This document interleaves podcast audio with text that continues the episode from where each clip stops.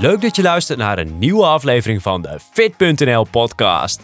In deze show gaan we in gesprek met topsporters, wetenschappers en experts, zodat jij het maximale uit je leefstijl kunt halen. Ik ben je host van vandaag, Jeroen van der Mark, onderzoeker, coach en schrijver van Fit.nl. Vandaag gaan we het hebben over het eiwit collageen. Herstel je sneller als je als sporter extra collageen neemt? En wat is het effect van collageen op je spieren en botten? En werkt dit eiwit echt beter dan de klassieke whey-eiwitten? Om hier meer over te leren ga ik in gesprek met Luc Hilkens. Luc is voor de tweede keer te gast in de show en is werkzaam als PhD-kandidaat bij de faculteit Life Sciences Humane Biologie van de Maastricht Universiteit en hij is docentonderzoeker van de Hogeschool Arnhem en Nijmegen Sport en Bewegen. Luc heeft zelf veel passie voor krachttraining en wetenschap, oftewel de ideale persoon om meer te leren over dit interessante eiwit collageen. Laten we gelijk van start gaan. Luc, welkom in de show. Dankjewel, goed om uh, er weer bij te zijn, uh, Jeroen. Ja, wat vorige keer leuke aflevering. Twee uh, mannen van midden 30 die zaten te zeuren over de pre-workouts. maar vandaag hebben we een, een heel, interessant, heel interessant onderwerp. We gaan het hebben over collageen. Iets waar jij onderzoek naar doet. Onder andere onderzoek, want jij doet ook eiwitonderzoek. Ook mee bezig bent met een publicatie en een kritische bril op hebt. Um, dus laten we gelijk beginnen met de hamvraag. In hoeverre is collageen als extra supplement, stofje, handig bij mensen die van krachttraining willen herstellen? Kort antwoorden of een lang antwoord, Jeroen? Kort en daarna de nuance. Ja, ja. Um, dan zou ik nu zeggen nee. Nee. Oké. Okay. Uh, eh, ja. Ja. En als je het vergelijkt met, uh, laten we het gelijk de vergelijking maken, want dat wordt, die vergelijking wordt gemaakt. En hebben we nu even over herstellen over krachttraining. We gaan het straks hebben over uh, gewrichten, et cetera. Um, en uh, um, boon, botten. Hier, ik begin gelijk alweer in het Engels. Um, uh, maar in, als je kijkt naar whey-eiwitten, dat is het meest populaire eiwit. Het wordt vaak geassocieerd met krachttraining, met herstel. Ja. In hoeverre zie je een vergelijkbaar effect van collageen als je het vergelijkt met whey? Het interessante is, is dat er eigenlijk heel weinig ja, weinig onderzoek is gedaan die heeft gekeken naar de vergelijking tussen collageen en wij. Mm. Op dit moment is er een studie die hebben we gedaan met een collega in uh, Maastricht. Die heeft echt gekeken naar de vergelijking tussen wij, collageen en placebo. Dan komen we misschien keer met een derde podcast. Kom ik dan een keertje terug, uh, Jeroen? ah, leuk, tof. Uh, ja, mooi. En, ehm, maar de, die, die, directe vergelijking is dan niet gedaan. Ik wil, misschien is het goed om de luisteraar mee te nemen naar hoe het eigenlijk begon met collageen. Dat is eigenlijk 2017. Ja, Toen, uh, kwam ik ben er studie... ook, ook, benieuwd wat collageen is eigenlijk. Zo, misschien die stap zijn we nog vergeten. Die ben, ben ik ja, jou vergeten te vragen. Wat is dat precies? Ja. Ja, collageen. Kijk, de collageen wordt eigenlijk verkocht als, als, als poeder. Kun je, kun je krijgen. Uh, het wordt gemaakt van eigenlijk het bindweefsel van dieren. Ja, uh, en bijvoorbeeld, het is echt de, de huid, uh, de botten van dieren, nou, vaak varkens of, uh, of runderen. Hmm. En dat wordt eigenlijk gebruikt als bron voor het maken van collageenpoeder. Nou, wat is collageen dan? Collageen is een eiwit en het is eigenlijk het meest voorkomende eiwit in ons lichaam. Want het is het belangrijkste bouwstof of de belangrijkste component van het bindweefsel in ons lichaam, net zoals bij de dieren. Ja, ik las dus, 25 tot 30 procent van lichaam van eiwitten is collageen. Ja, klopt. Ja, ja. Dus het is gewoon echt, wow. het komt echt heel, heel veel voor. En um, dus onze botten, onze huid, onze pezen, banden. Mm -hmm. En dan mhm. gaan we al meer richting sport, hè, want die, die herstellen niet goed of daar hebben we vaak blessures aan. En dan is het idee, als we dan, hè, want die pezen, banden en botten, die bestaan ook voor een groot deel dus uit collageen. Dat is de belangrijkste component van het bindweefsel. Mm -hmm. Als we dan extra collageen geven uit een supplement, dan zou dat het herstel van die weefsels uh, moeten verbeteren. Dat is het idee. En dat zou het beter moeten doen dan bijvoorbeeld een wei-eiwit. Ja. En als je dan kijkt naar het verschil tussen een wei-eiwit en een collageen-eiwit, dan zit het dan in de samenstelling van de aminozuren. Mm -hmm. Dat zijn de nou, bouwstoffen hè, van de eiwitten. Ja, dus wij, wij op de hogeschool, ik les geef, zeg ik altijd van nou, een eiwit is een kralenketting. En de mhm. individuele kralen, kralen, dat zijn aminozuren. Ja. En, hoe ver uh, verschillen die dan? Als je dan een W-eiwit heeft dat een hele andere aminozuursamenstelling dan collageen-eiwit? Ja, wij-eiwit heeft veel meer uh, essentiële aminozuren. Dus aminozuren die het lichaam niet zelf kan maken en die we uit onze voeding moeten halen.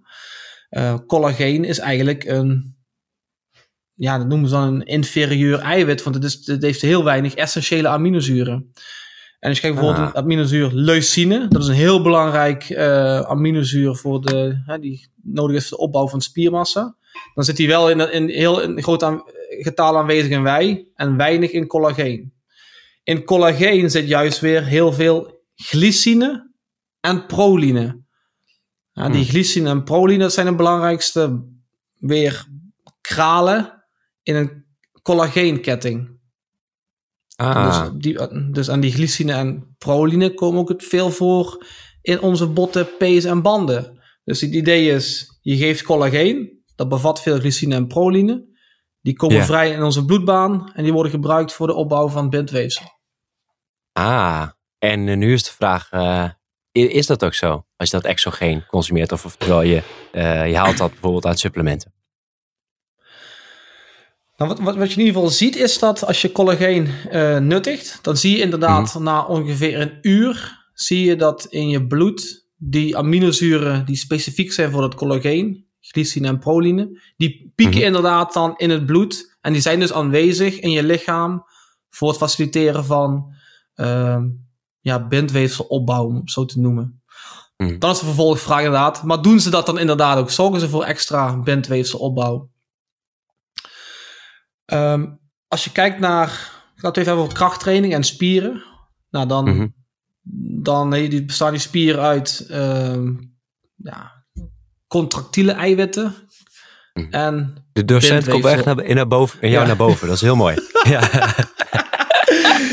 maar ik, ik onderbreek je. Dat is een heel goede uitleg. Ga, ga door. Contractiele elementen, heel goed.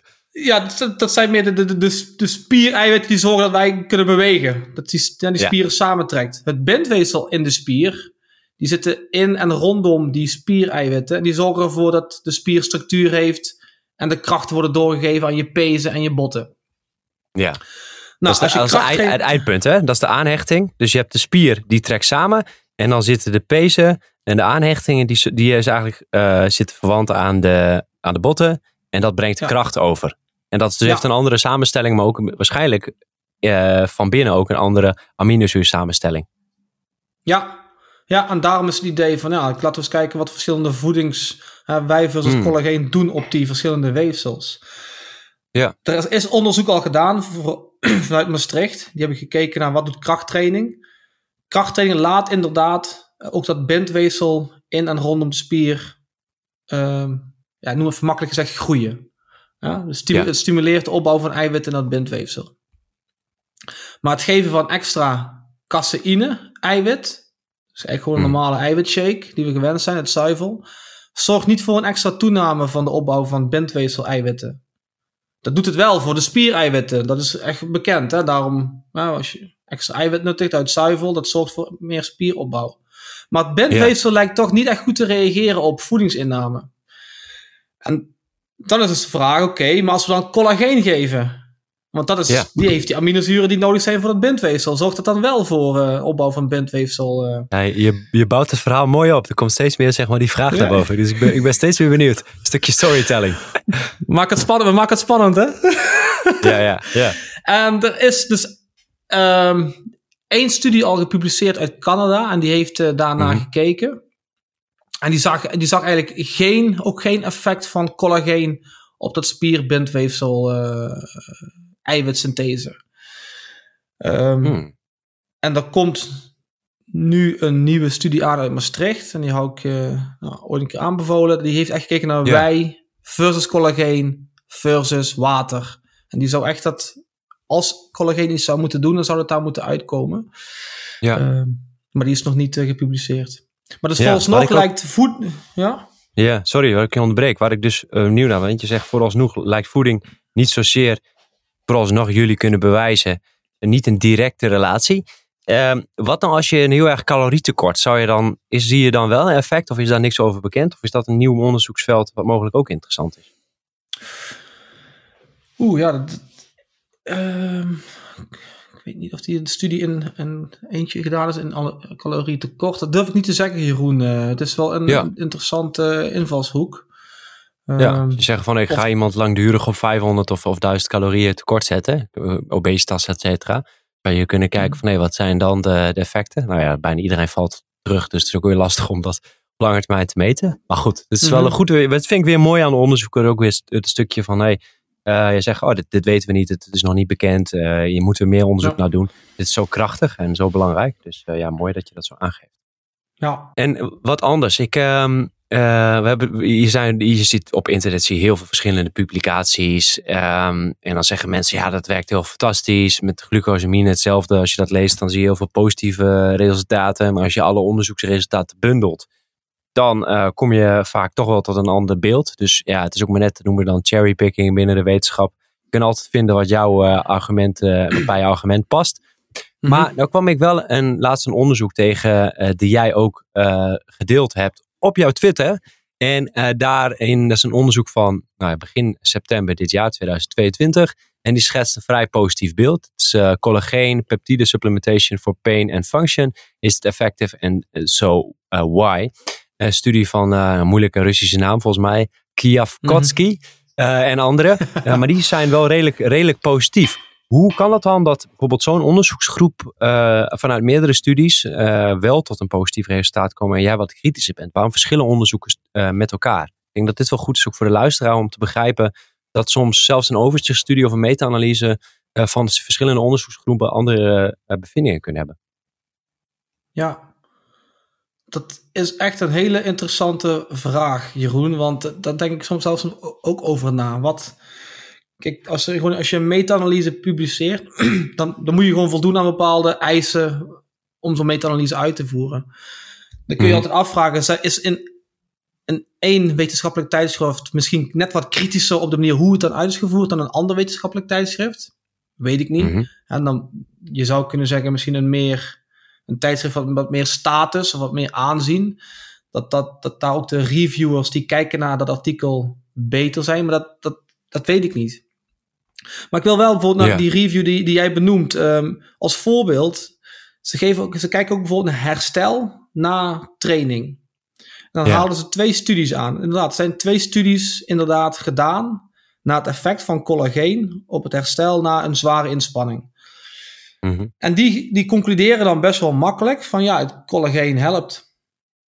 En als je kijkt naar die studies, dan hebben die beide studies, die meten dan bijvoorbeeld, je, doet een inspanning waarvan je spierpijn krijgt. Nou, bijvoorbeeld drop jumps, 100 of zo. Mhm. En in de uren en dagen daarna doe je, dan meet je sprongkracht, je meet spierpijn, je meet wat bloedmarkers en je meet, ja, dat is zo'n uh, ja, isometrische krachttest. Die krijgen zo'n knee extension uh, apparaat, zo'n Biodex. ja. En, dat, en, en, dat is eigenlijk de meest valide meting om spierfunctieherstel te meten. En die bloedmarkers en zo'n vastschaal van spierpijn en sprongkracht zijn eerst meer aanvullend. Maar wat vinden die twee studies? Die zien een effect op sprongkracht. Dus de sprongkracht wordt sneller beter bij die groep die collageen krijgt. Ja. Maar op spierpijn, op de bloedwaardes en op de gevalideerde goede isometrische krachttest, vinden ze geen effect. Dan zal mijn ah. conclusie toch wat voorzichtiger zijn. Zou zijn van ja, collageen zou mogelijk het herstel kunnen bevorderen, maar op de meeste uitkomsten laat collageen niks zien. Precies, en dat is misschien nog wel heel positief. Je zou eigenlijk gewoon kunnen zeggen van bij het heeft alleen effect op sprongkracht, maar niet op XXX blijkt uit deze beperkte onderzoekspopulatie.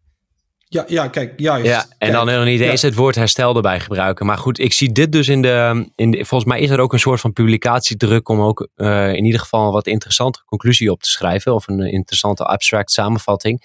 Omdat natuurlijk ook het vaak uh, gereciteerd wil worden, dat het vaak verkocht wil worden, dat, dat de tijdschrift in de aandacht wil komen.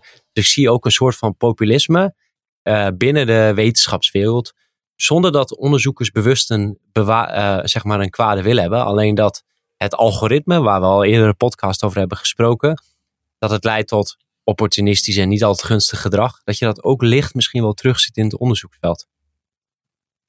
Ja, misschien wel. En wat, wat, wat ik dan wat schadelijk kan zijn, iedereen, zo'n review komt, komt weer uit. Nou, dan denk ik iedereen, oh, een mooi overzichtsartikel, een review, zal wel goed zijn. En wordt dan weer overgenomen door de professionals, de diëtisten of de sportkundigen of de voedingskundigen. En dan, ja, dan is, ligt dat, dat toch weer al.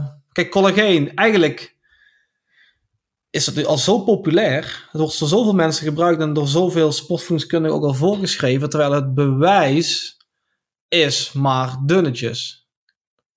Het is een interessant, een inter fysiologisch mogelijk interessant supplement, maar ja, het, het mechanisme is logisch, ja, maar, Maar, maar, maar, misschien de uitkomstmaat is nog niet zo. Maar misschien is het wel zo, misschien hebben we meer lange termijn onderzoek nodig. En het is ook niet iets dat, dat volgens mij zijn er ook niet heel veel negatieve bijwerkingen van de suppletie daarvan. Je kan wel zeggen van je mist essentiële aminozuren als je daar heel veel van gaat supplementeren. Uh, dus mhm. dan zou je weer misschien de voorkeur beter aan whey kunnen geven. Um, even kijken, wat, wat, wat anders, wat ik wel interessant vond, is dat jij op een, congres zag ik een foto van jou die een relatie uh, liet zien, of eigenlijk het gebrek aan relatie. Dus het gebruik van collageen en um, botgezondheid bij uh, wielrenners. Uh, ik denk, neem aan dat hij nog niet gepubliceerd is. maar kun je daar iets over vertellen? Uh, ja, we, we, zijn al een aantal jaar bezig met onderzoek naar de botgezondheid van elite slash profwielrenners. Nou, voor de mensen die niet weten, de meeste wielrenners, professionele wielrenners, hebben best wel slechte botten. dat komt omdat ze de hele dag op de fiets zitten. De fietsbeweging is vrij cyclisch en krijgen geen echt druk op de botten. En juist die druk, of die trekkrachten en drukkrachten, die zorgen voor de ontwikkeling van botten. Nou, en verder heb je nog het ah. feit dat ze een laag lichaamsgewicht nastreven. En een laag lichaamsgewicht is ook weer een risicofactor voor slechte botgezondheid. En het nastreven van een laag lichaamsgewicht gaat weer gepaard met een voedingsinname die soms niet optimaal is. En dat gaat dan ook weer gepaard met een, uh, slechte botgezondheid. Wow. En is het dan de botdichtheid of is het uh, de, de zwaarte van de bot of de dikte van de bot waar je verschil in ziet bij wielrenners ten opzichte van bijvoorbeeld een powerlifter?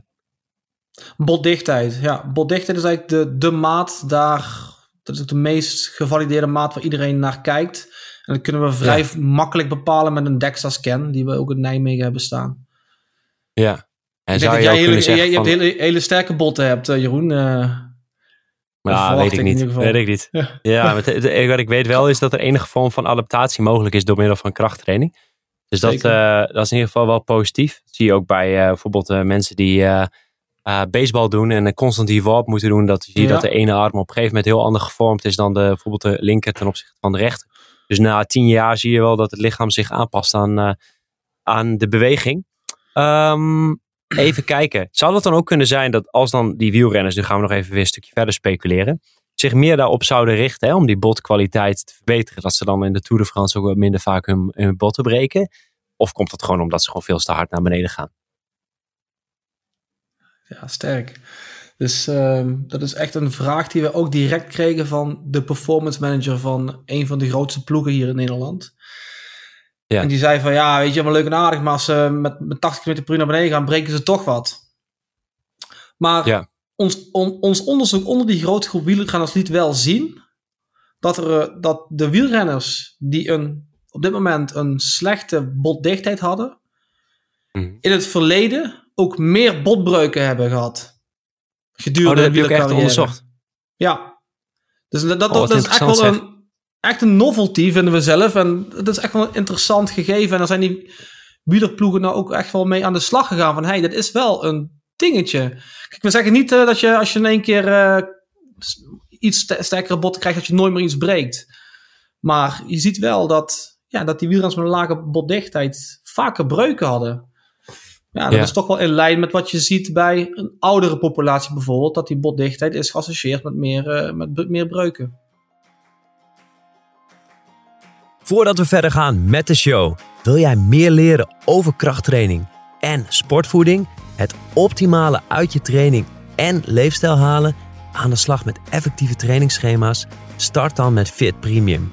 Ga naar fit.nl/slash start of check de show notes voor de link naar de Fit Premium ledenomgeving. Hierin leggen we je stap voor stap uit hoe je het maximale uit je training en voeding haalt. Met complete cursussen en schema's gebaseerd op de laatste wetenschappelijke inzichten. We gaan onder andere uitgebreid in op alles dat jij moet weten en je vindt de beste trainingsschema's met meer dan 100 opties voor zowel thuis als in de sportschool. Plus een uitgebreide community met advies van een team van professionals. Ben je benieuwd? Ga naar fit.nl/slash start en start vandaag nog. Of ga naar de show notes voor de link. Nu terug naar de aflevering. En nu voor de luisteraar die fanatiek uh, eh, 20 uur in de week uh, zijn eigenlijk uitzonderingen die, die naar luisteren. Maar stel je voor, of de coach die uh, toevallig een krachtige conditiecoach is en wielrenners helpt. Um, wat zijn dan, zouden dan praktische tips zijn? Waar, zou je dan hoger in eiwitten moeten gaan zetten? Of zou je zeggen, ga eens ook één keer in de week of twee keer in de week squatten? Wat zou praktische tips zijn van jou? Waar wij naar hebben gekeken, ook in overleg met die wielerploegen, is sprongtraining, touwtjes springen. Want twee keer per week hmm. squatten of krachttraining zou ik wel aanbevelen voor een amateur wielrenner die me nu luistert. Maar de gemiddelde prof heeft daar geen zin slash tijd voor, is bang voor negatieve effecten op de wielerprestatie. Sprongtraining, dus even touwtjes springen een paar minuten, kost weinig tijd. En is gebleken dat dat soort inspanning ook zorgt voor een betere productheid. Ah, is mooi. En het is heel vaak impacten in een minuut. En het is pliometrisch, dus dat is super goeie. Ja, dus dat is, dat, dat is een tip die ik zou meegeven om dat in ieder geval te proberen. Ja. Drie keer per week of zo. Uh. Kan je ook die tip geven van uh, oudere mensen van uh, 70, 80? Die bang zijn omdat hun onderstel wat minder uh, sterk is. Zouden die dan ook moeten gaan gewoon springen in de woonkamer? Nou ja. Niet hoog. misschien onder begeleiding. Ja, die, die, de richtlijnen voor osteoporose, die, uh, die stellen wel krachttraining en impacttraining. Maar je moet, die moeten dat natuurlijk rustig opbouwen. Want, uh, Precies. Geen gat in de lucht springen gelijk. Nee, ja. Ja. we hebben al heel veel besproken, heel veel uh, interessante inzichten. Is er iets over collageen dat je zegt, oh, dat, uh, dat had ik van tevoren graag willen vertellen, dat hebben we gemist?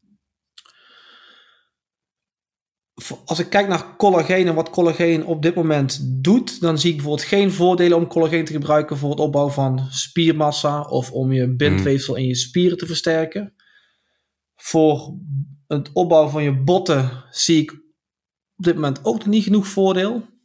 Hmm. Het enige waar ja, er best wel wat kansen liggen is pace. De pezen.